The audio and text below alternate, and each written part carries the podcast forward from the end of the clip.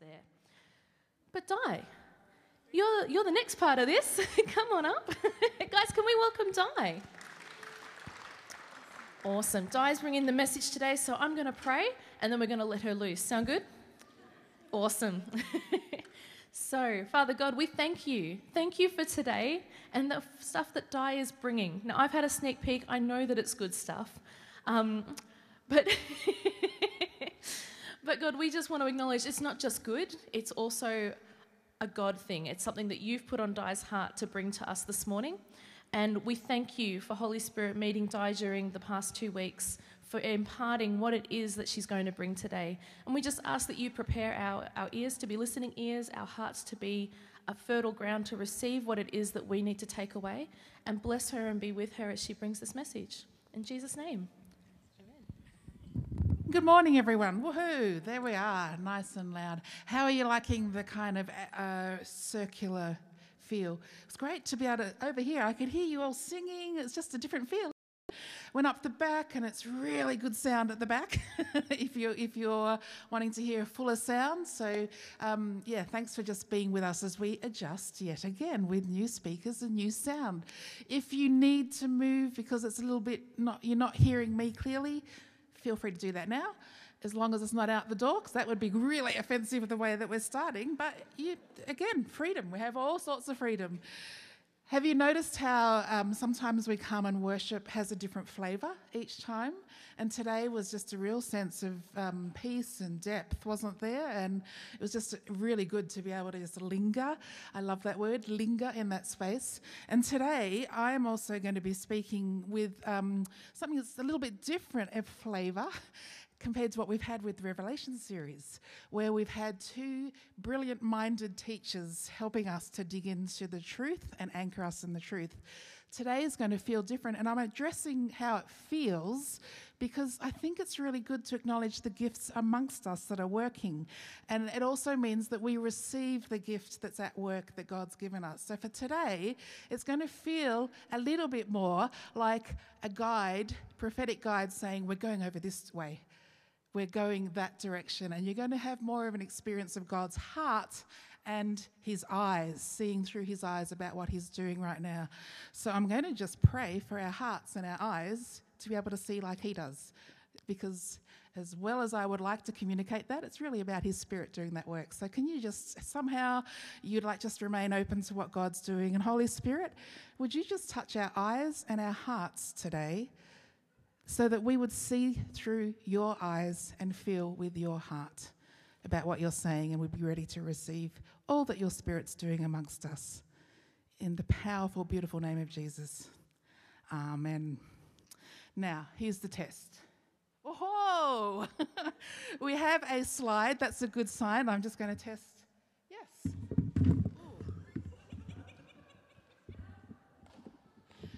That's a first. Swing around and see what happens. Okay, so um, I, am sure I'm going to do that again. It's just the way it is. I don't see well on that side, so I've got to go this side. So, Joe, I'm going to be looking at you. You can nod, all right? that was pretty fun. All right, let's start the recording now. Amen. all right? Oh my gosh. So today we're starting a series that will be just ongoing and it's talk the Lord's really wanting to build some strong things in us. And so today we're going to be looking at some of the things that he's wanting to have as our foundations. And it might feel like, oh, this is a little bit basic, but I actually feel like he's wanting to do another level of growth for us. And so we have our founder, John Wimber, who when he started the Vineyard movement, he was going around many different churches. And when he was speaking to churches, he would often say, Yeah, in church world, we kind of like to play basketball without the hoops. And he, what he was saying is that many churches, we don't know where we're going. We don't, and many churches he was observing, it's like we don't know what we're aiming for. And so today, I'm going to say, we are a church that exists for a reason. And many churches exist for a reason and have dif- different flavors. And so today, we're going to just highlight some of those things that the Lord's saying, I want to be really strong in this church. He wants us to be intentional and aim for it. He wants us not to go through hoops, but He wants us to aim for hoops so that we know what we're aiming at. As a leader, I'm aware that as much as I've tried to say that, sometimes I've not communicated that well. And so I just want to start by apologising. If the message of what this church is about hasn't been clear to you, I'm really sorry. We're going to get on the same page and we're going to be very clear about what that is. Part of that is we've had so much disruption, right? and so to be together, we're now as leaders recognizing we are ready for another phase that the Lord's inviting us into. So churches exist to see people transformed. And then when our lives are transformed, our community becomes transformed. We see people changing from brokenness and selfishness into wholeness and freedom to be fully alive. And this is what we're aiming at. We're aiming at, as Rob said last week, Christ likeness. We're aiming at people becoming more like Jesus. Now, how do we define that? How do we define what a mature, Christ like Christian looks like? Would you know and recognize a spiritually mature Christian? Would you know if there's one sitting next to you? Would you know if you're one? We're going to look at that and see what are the foundations that Jesus is saying. We want to see this transformation look like this in your life, and then you lead others into that transformation with the same life in Christ. Now, when we talk about transformation, changing, it can be suddenly, right? We can see sudden changes. And there's many times when the Spirit of God will just come and disrupt something in our lives, in our church services, imagine that. And the disruptive nature brings change immediately. And some of you might have experienced that when there's an impact of change really quickly. And we say, Bam, more, Lord. We want to see that. I want to see that. I want this church to be a place where sudden change will happen for you, whether it's through being delivered or healed or set free in whatever way that you would experience the suddenlies. We want that. Are you with me? Yes, okay. We also recognize that sometimes change takes time over a lifetime at the measure of pace of life, which is often very busy, and we often see that change can come through walking it out. Transformation can also come that way. And so when we say Christ likeness, it's both the suddenlies as well as the walking out that we're looking for as a church. And this series is simply dropping a plumb line to say we are going to look with some measurement. We're going to look and see what we're building, what we have built, what Jesus is building, does it stand true to the ways of God? That's what we're looking for. That's what we're aiming for. And if I had have set it up, I could have had Trev doing a shot every time we get something through that, right? You love you love your hoops, don't you, Trev? So, yes, we will be transformed in a moment. And yes, we will be transformed, as we heard in Revelation. When Jesus returns, we will be fully transformed in the new heaven and the new earth. And we will also be transformed right now in this lifetime as we are walking with Jesus. And we can expect that. Now, for me, I've had a number of different um, personal experiences with that, as I'm sure you have.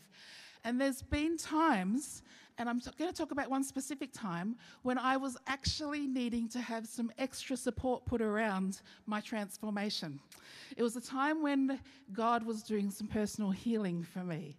Anyone been through some personal healing? Sometimes it's messy, right? There was internal stuff that He wanted to set right. There was pain and there was grief and disappointment that He wanted to heal. And during that time, my relationship with Him being close to Him was holding me so securely. And I had all the extra support of things like prayer ministry, I had counseling, I had all those things that I was working hard with the Holy Spirit for transformation. It also looked like studying about how Jesus moved amongst messy people and recognizing he accepts messy people as well. And it also meant just doing life and continuing to work amongst that it was walking it out. Now, during that time, because it was something that was going on in me, that healing was not going to come fully in isolation. I also needed a community around me to support that healing. You know, kind of like you gardeners put a trellis around new growth and you make sure there's support for the new growth. That's how it was for me. So, as the new things were coming and transforming in me, it needed support and it needed people because that was where the brokenness happened through people. and so, people were the ones that were going to be used by Jesus to heal that. And so there was this beautiful family in the church that I was in, in this church at that time. They're no longer here, so no guessing. They're not here, it's all right. and they, I don't know whether they knew what was going on fully. I don't know whether they had a word from the Lord. But what they did was so simple. They said every Wednesday, if you'd like, come and join our family for a meal. That's all I had to do, just turn up. This stability of the Wednesday night meals every week helped my dislocation, helped my healing to become a place where God was also filling me up as He was rehealing that stuff. And sometimes it was just fun, messy meals. Then we'd go for a walk around the lake with all their pets. Or sometimes it might be a movie night with them. It was just normal life. You see, I was living in a shared household where it was hectic and fun and crazy and pranks were going on all the time. It was really, really a beautiful time of life. But I needed that family experience during that healing. So while that was going on, it got resolved, and Jesus brought wholeness, and that stuff in me was healed. Yeah, it was amazing. I could feel the shift, and I knew when that season had finished. Fast forward for about eight years later, there was another season that was transforming for me. And what was happening? It was a suddenly time in the church and in people around me. And at that time, there were so many disruptive moments that people were just all of a sudden being overcome and overwhelmed by the power of the Holy Spirit. Transformation looked really different at that time. But because I'd done the work of healing those years before and received the community of belonging and accepting, I was able then to be able to push out and follow the lead of what God was doing. And as a worship pastor, that meant lots of camps, conferences, retreats, and that meant that I was also be able to serve out of a place of wholeness with all these other experiences that people were having in their suddenly moments. We have moments when we really need to push up into God with devotion, moments when we really need support out and in, sorry, people coming out from out in into our community and they're going to need trellis support. And then there's also times when we're going to need to push out ourselves with our wholeness and help others find those transforming moments. So, this series is going to be all about do we have the good foundations for that? Do we have, are we building strong with what Jesus is asking us to do? And the series is inspired by a renovation that I did in my kitchen recently. it had been long awaited renovation. And as we, and there's a lot of people in this room right now that are experts in renovation, and so forgive me if I sound rather naive, or you builders and you plumbers and you tradies that are just doing this every day of your life, I have huge respect for you. What we discovered in my kitchen was that there was not good bones under my kitchen floor. It all had to be pulled out right down to the dirt, and we had to start again so that there was no longer a slope in my kitchen, which was very, very, very handy if I didn't want to shut the fridge properly. It would just shut automatically. I'm having to learn now how to push a fridge door shut because it just used to swing shut because of the slope. This kitchen needed good bones. And so this is this is a renovation we're talking about. We're talking about have are there good foundations and that's what the Lord's going to be speaking to us about. What does it mean by good bones? A good home? You doing it? Okay. All right, Joe, Joe's got it. Otherwise, I'm going to be battling you. All right, so what does it mean to be um, a home with good bones? It means it's got potential to be a great home. Good bones is a fixer upper that you know is going to become even better. And it's kind of like a diamond in a rough, isn't it, with good foundations. We're talking about structure and systems, right? We're talking, is it structurally sound? We're talking, is it foundationally sound? Has it got fra- a good framework? And have you noticed that we even talk about people that way sometimes? Oh, yeah, he's solid, right? Oh, yeah, she's the real deal. We're talking about good character. Well adjusted people aren't afraid to see you let them see you see their superficial flaws. They're looking for character. They're looking for sound, good bones. Have you got character? Charles Swindoll says, I let people see the cracks in my life. We can't be phony. We've got to keep it real. So if you want to turn to 2 Corinthians 12, Paul is writing to a church where the foundations had been set. He's the father in the faith.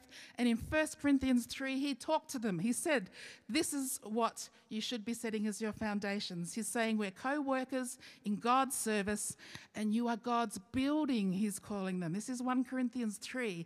And Paul's saying, By the grace God's given me, I've laid a foundation like a wise builder. And someone else is building on it, and someone else is building with, but you should be building with care. Here's the thing for us for no one can lay a foundation other than what is already laid, which is Jesus Christ. Christ likeness. He's our foundation. So, as we're looking at 2 Corinthians 12 today, Paul is writing another letter to a church that has been quarreling, and he's saying, Your foundations are Jesus, you, everything we build on is Christ. But today he's got another problem that he's dealing with in relationship to there are some super apostles that have arrived on the scene, and that's what he calls them.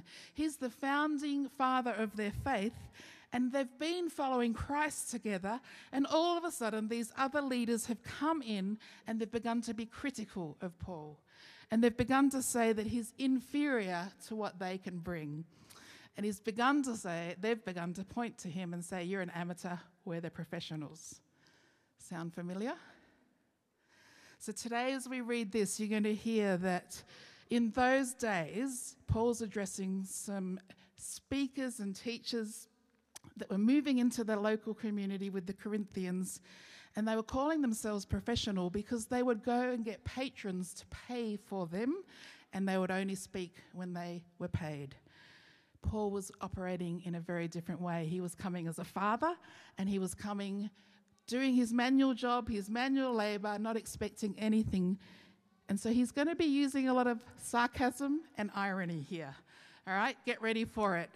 He's talking about them as super apostles, but he's also using a style of writing that is commonly used in those ancient times when you're dealing with crazy stuff to go, What are you doing? So let's read it together 2 Corinthians 12, starting at verse 11. I've made a fool of myself, but you drove me to it. He's saying this to the Corinthian church. I ought to be commended by you, but I am not in the least inferior to the super apostles, even though I am nothing.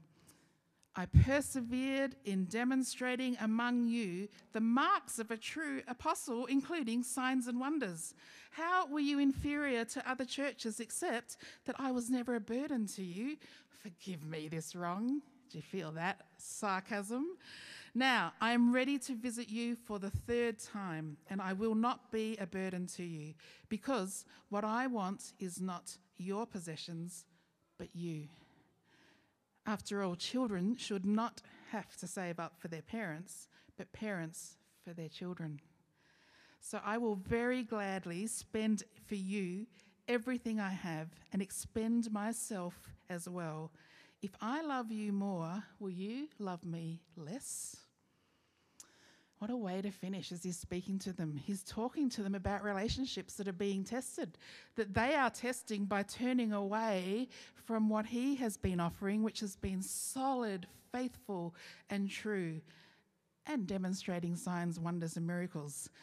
Not only were they turning away from the foundations that he'd been talking to them about, he was also saying, I loved you not for what I can get, I loved you because of you. Not from, I was sacrificed because of you. That's how valuable you are to me. And yet you despise me and disregard me. It's really hard when you see anyone having to defend their position in someone's life, right? Have you ever had to see someone defend their place as a father in a family? Ever seen someone having to defend their place in a marriage? It's not fun, is it? And this is the culture that hap- is what's happening for the Corinthians comparison. Relational comparison. And comparison is a robber and a thief. Someone always loses if there's comparison within relationships or if there's comparisons in our foundations. If there's the best, then that means there's always the worst, right? If there's the greatest, that means there's also the least. If there is the smartest, you get it, right? That means there must be some people that are the dumbest in the way that we are portraying our judgment in relationships. So here Paul's experiencing everything that's gone wrong. He said, Our foundation is Jesus. We're to be Christ like. But what had snuck into the culture was comparison.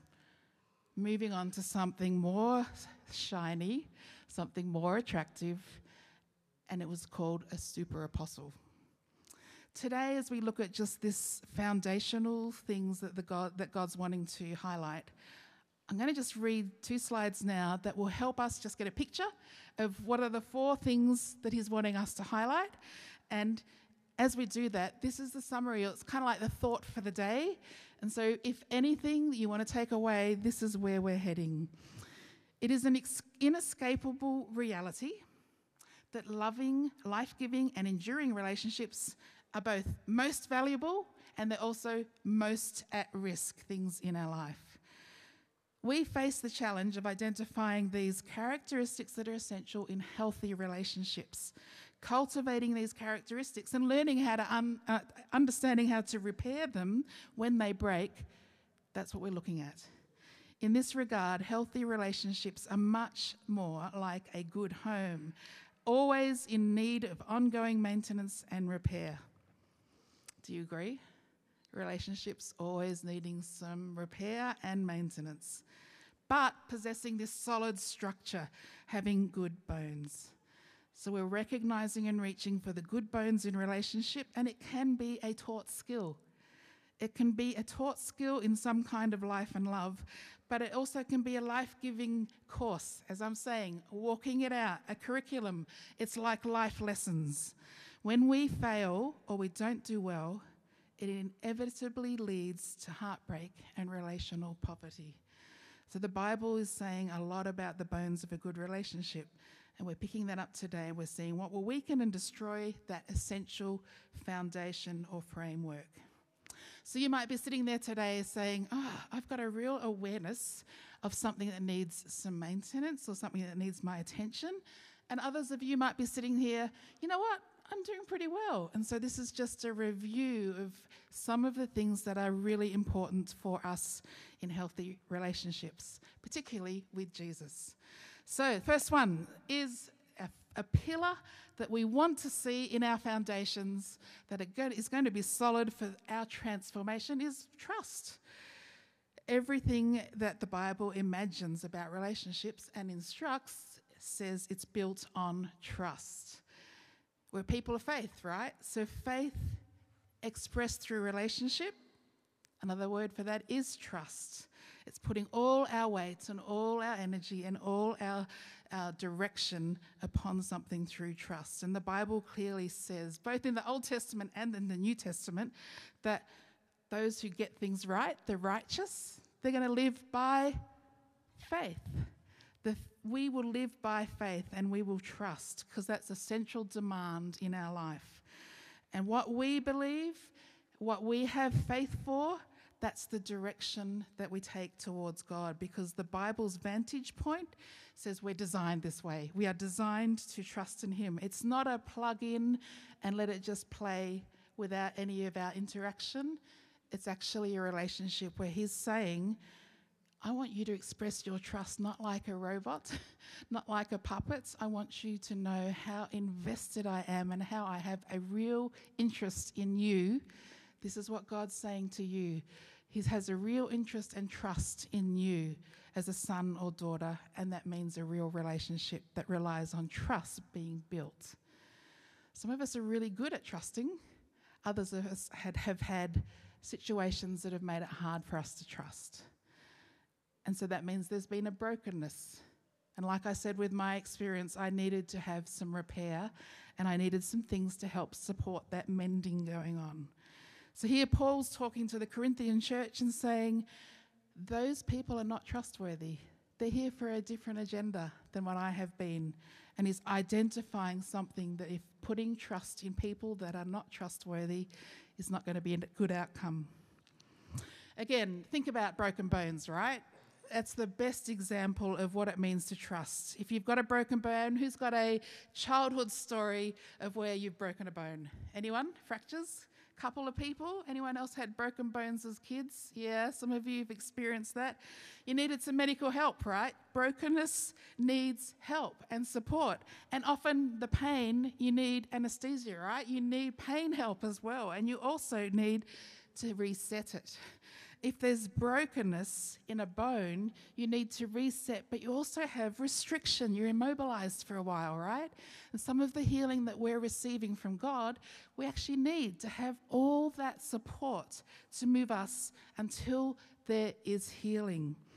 And so, if there's been brokenness in trust, it can be like a broken bone where you actually don't need to get offered instantly have that offered back to you. You need some time of protection and healing and maybe pain relief. And you also need to have people around you that are trustworthy. To re establish trust, like a bone, to set it right, sometimes it needs to go slow. Right? And so when we're talking about trust, I just want you to, be, eh, to imagine what's it like for God to heal trust that's been broken? What's it like for God to heal trust that is going to be broken? Are your foundations all ready to receive what happens in life, which is brokenness? if you think about our trust with God, there have been times as well where we have broken trust with God. And you're like, hang on, you're going too far now, Di. What do you mean by that? God trusts me. So there's trust coming back to you because it's a relationship as well. And what he does is he trusts you with life itself. With your life, you are entrusted with life. And so trust goes this way, and trust also goes this way. That we are receiving the freedom to choose how to trust Him, and we're also receiving the freedom to carry a trust, which is your life. And that sometimes takes some attention as well, doesn't it? Are you choosing His mercy to renew you every day, or are you choosing to go your own way? He's trusting you to keep turning back to Him. He wants to set things right when they're broken. He wants us to, us to acknowledge brokenness, and He also wants to put restrictions around if there's been any sense of brokenness or pain so that you can become stronger. The next one is honesty.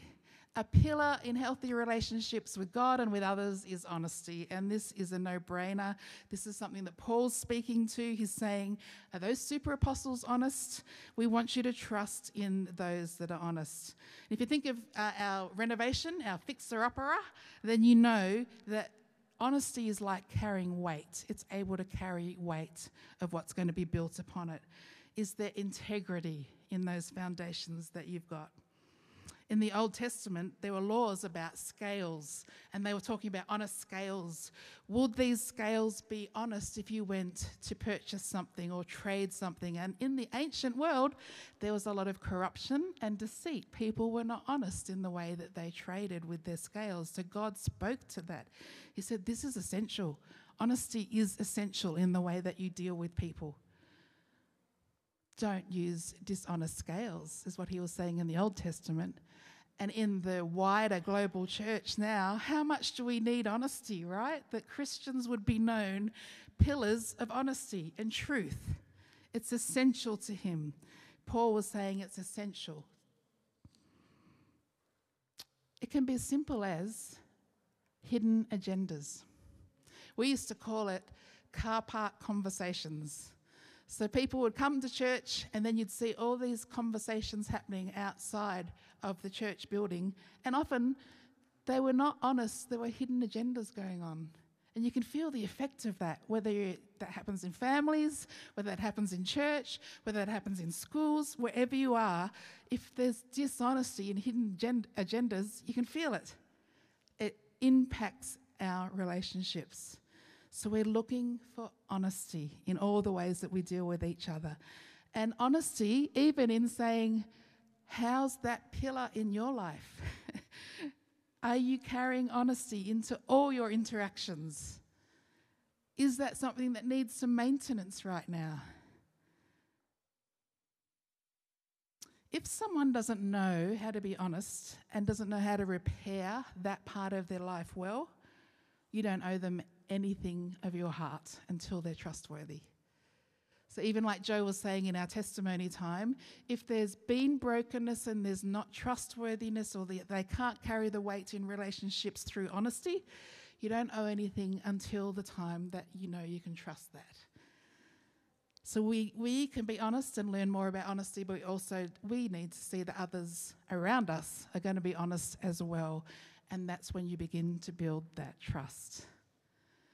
Wouldn't it be great to be a church known for trust and honesty? That that's in the foundations of who we are. Next one, commitment.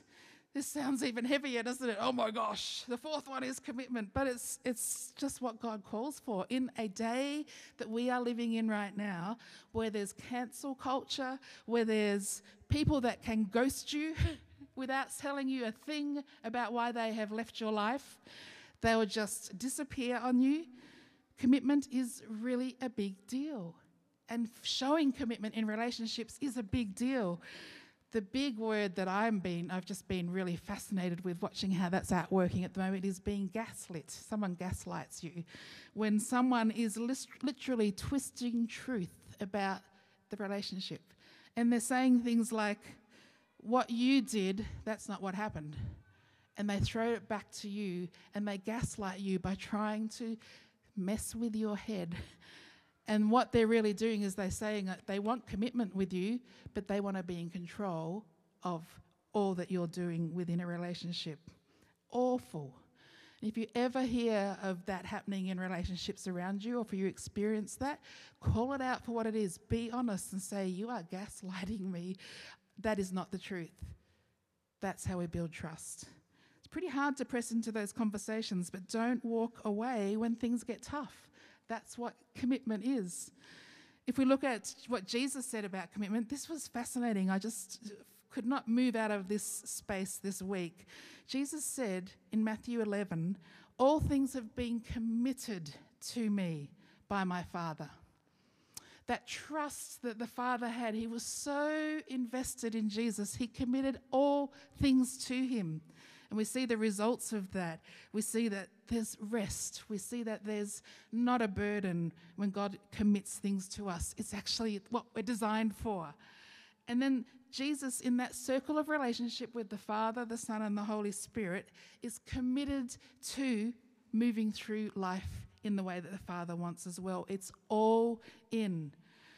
And the only way I could think of describing it is if you think about the, um, the Ten Commandments in Exodus 20, where Jesus, sorry, where God is saying, as a relational God, I want you to value relationships so much that you'll have no other God before me, you'll be committed to me, that I'm a jealous God, there'll be no other God before me, and all your other options are out, you commit to me. He values relationships so much, he said that. But then have a think about what our language now does with all the things that he said don't do this, don't murder, don't covet, don't rob. And so we say those are things we commit. We commit murder, we commit robbery, we commit adultery. We don't just fall into something that's a relational mess.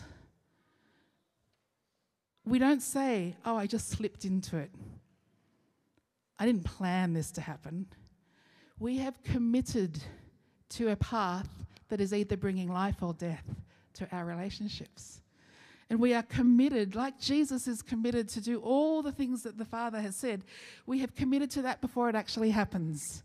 So whether we're heading towards brokenness or heading towards life, we get to take that trust and commit through our choices to life giving relationships. That's part of our foundations. And so when people stand in front of us and say, I'm about to be married, I'm committing to this one person, they rule out all op- other options and they don't just fall into something else, they are committed to that. And I just know, Rob Carter, you are so, when you do a ceremony, you are so on about covenant and commitment, right? It's just, Rob will not budge from that. Every time he does a wedding, it's about this is committing to this for a lifetime.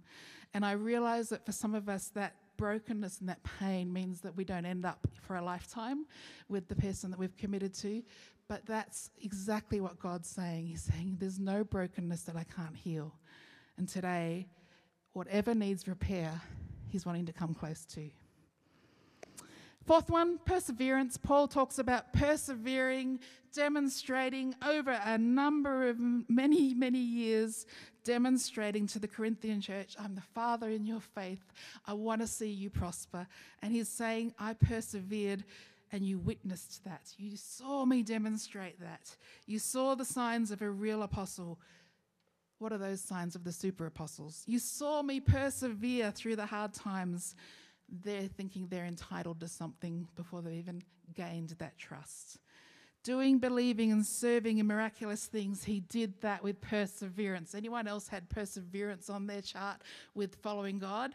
Where you just have to keep turning up and persevering and pushing through. And it's a pillar that God is saying, especially for you people in this church, you are persevering people these foundations he's actually affirming for many of you. Many of you uh, just need to know that he's saying, Well done. You've persevered through some amazing things that could have knocked anyone else off their foundations and could have had termites starting to eat away at it, but not you. When I talk about perseverance, it's like, How long? How long do you persevere for? And I simply take it as a day at a time. Persevere for a day, get more grace for the next day, and then you persevere tomorrow. And then it becomes your future, and then it becomes your life pattern. A day at a time with His grace means that your foundations will be strong in persevering. And if anything that um, I can say right now, perseverance is a foundation we need right now. It's not a time when we're seeing lots of suddenlies break in, are we? We need to keep persevering towards the things that we're aiming at. And some of those things are going to take perseverance. One of the pillars of a healthy foundation in your relationships and in your transformation is perseverance. And we do that because God's never let you go. We sang about it today. He will never let you go. He's the ultimate teacher of perseverance.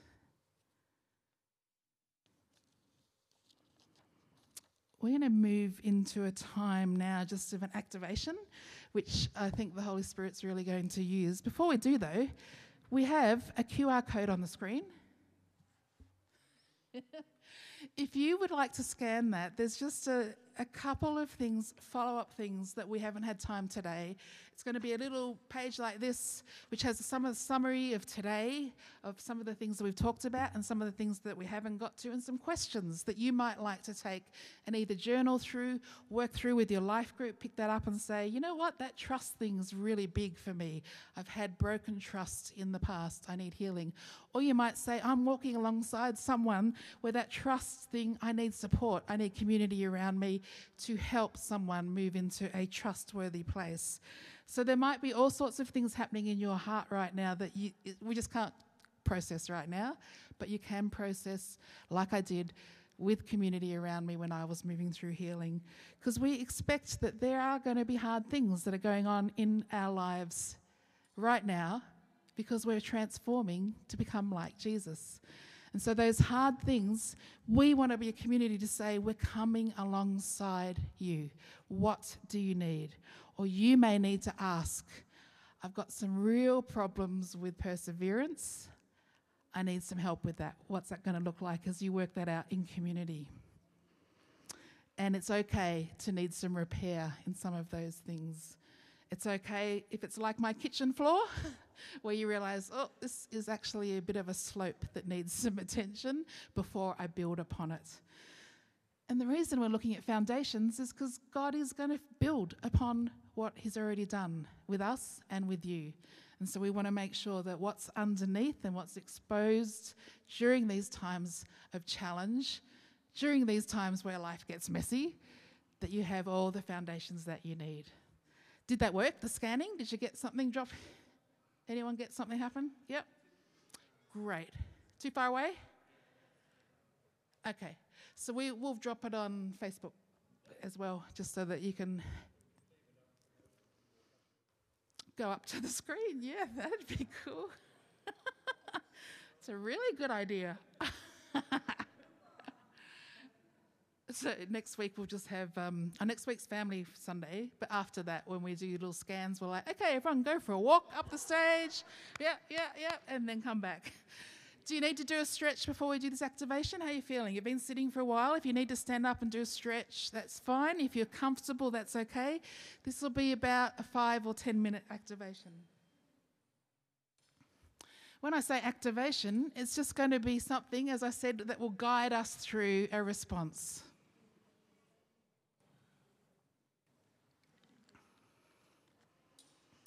If you're a note taker, you might want to pull out something to write notes. If not, just take a seat and close your eyes, and here we go. See why I said this is a guide, a time to guide you? I love it.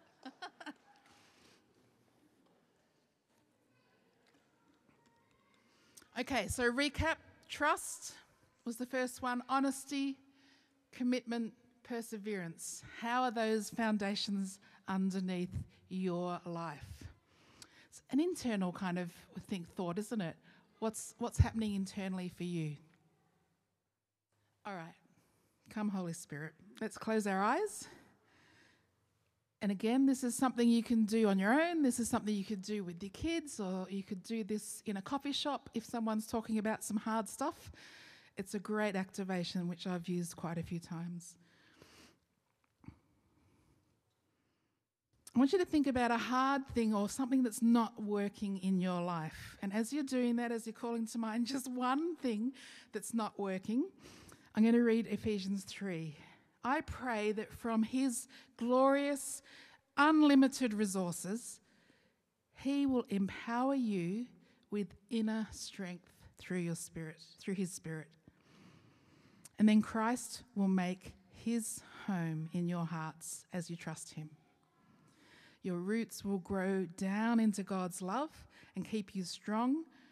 And may you have the power to understand, as all God's people should, how wide, how long, how high, how deep His love is. May you experience the love of Christ, though it is too great to understand fully.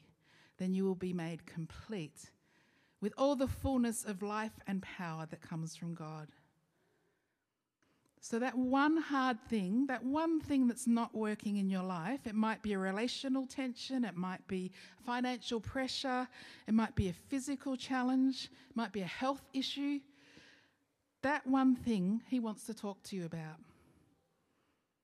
So, take that in the focus for you let that foundational issue or this issue that you have that's needing support or needing His touch or His wisdom, surrender that to God. Just release that to Him. And you might like to pray with me where it says, from your heart,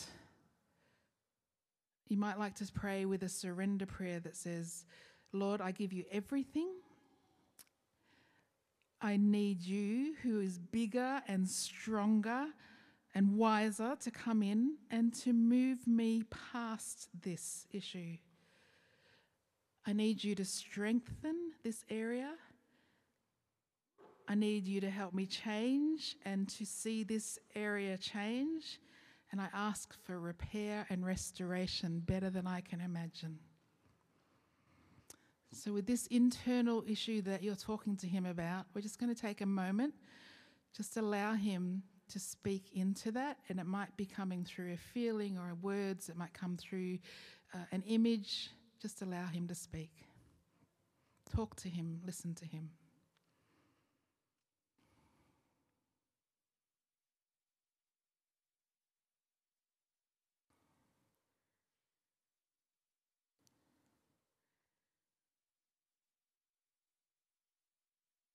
And what he's doing is he's setting you up for new choices to build upon.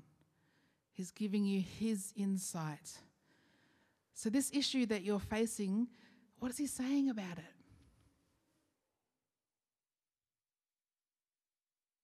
Is there a tool he wants to give to you to help you with it? What's available from him? Is there a truth that He wants to put in that situation that you haven't seen before.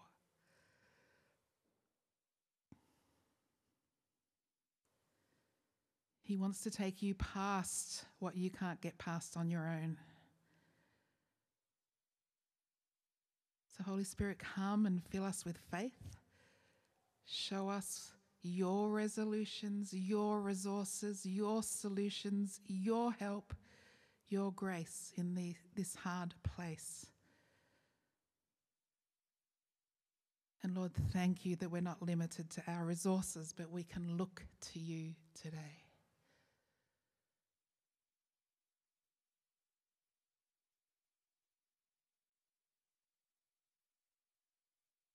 So now we're just going to move into another space, and I'm going to ask you to think of something that has happened to you in the last 12 months that was beyond your ability to, your ability to make happen, but it's something that's good.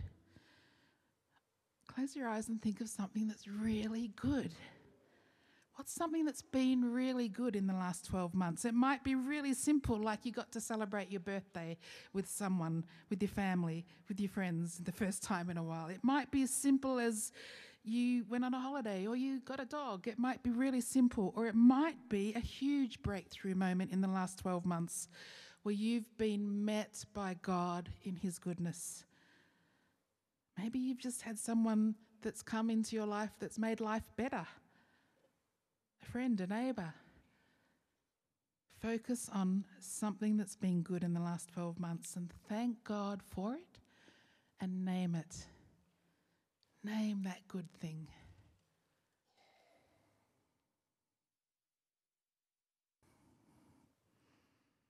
If you're struggling to think about something good, think about something that if it wasn't there in your life right now, you'd be devastated if it wasn't there. Something good.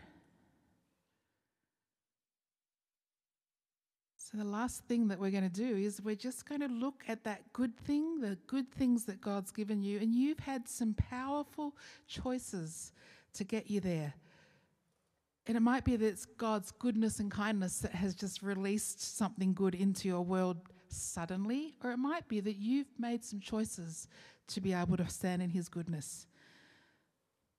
Did that good thing need you to choose so that you could get into that place to receive His goodness. The way you heard God to enter that goodness, and the way that you heard God to receive it, and the choices you made to stand in His goodness, that's now a foundation of strength and trust for you. And it might be that today He's wanting you to be aware Use those tools again to get out of that hard place. Trust in those things that have helped you get to those good places. This is what good spiritual foundations look like that you know how to move past into repair and healing, and that you can do that on your own with God as well as in community.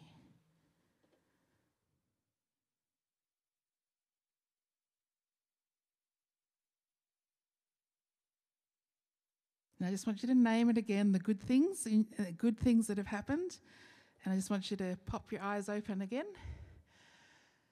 Well done. Well done. And I want you now just to move towards someone and just share what was the good thing and what's a hard thing. And let's just pray for one another. And we're going to finish that way. And if there's about foundational things, you can go there as well. We don't want to just lock it in, but we're going to start by just sharing what's some good things, what's one of those good things you just focused on. And if you'd like to share the hard thing, you can. If, if you don't feel you'd like to do that just yet, that's okay as well. But start by sharing the hard thing. Let's all stand up.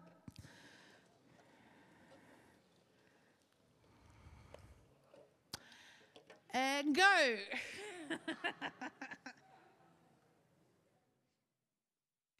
So, yeah, find someone and tell them a good thing. You can do that with the person next to you, or you can move to a different space, whatever you like. Break out of your comfort zone, and then let's pray for one another. Okay, I'm going to just move around the room, continue in your conversations, and if you want to reach out to some others and pray for them, there's always a great opportunity to do that. I just want to bless you all in Jesus' name as you go. And if you are able to stay and continue to pray for each other, that's fantastic as well.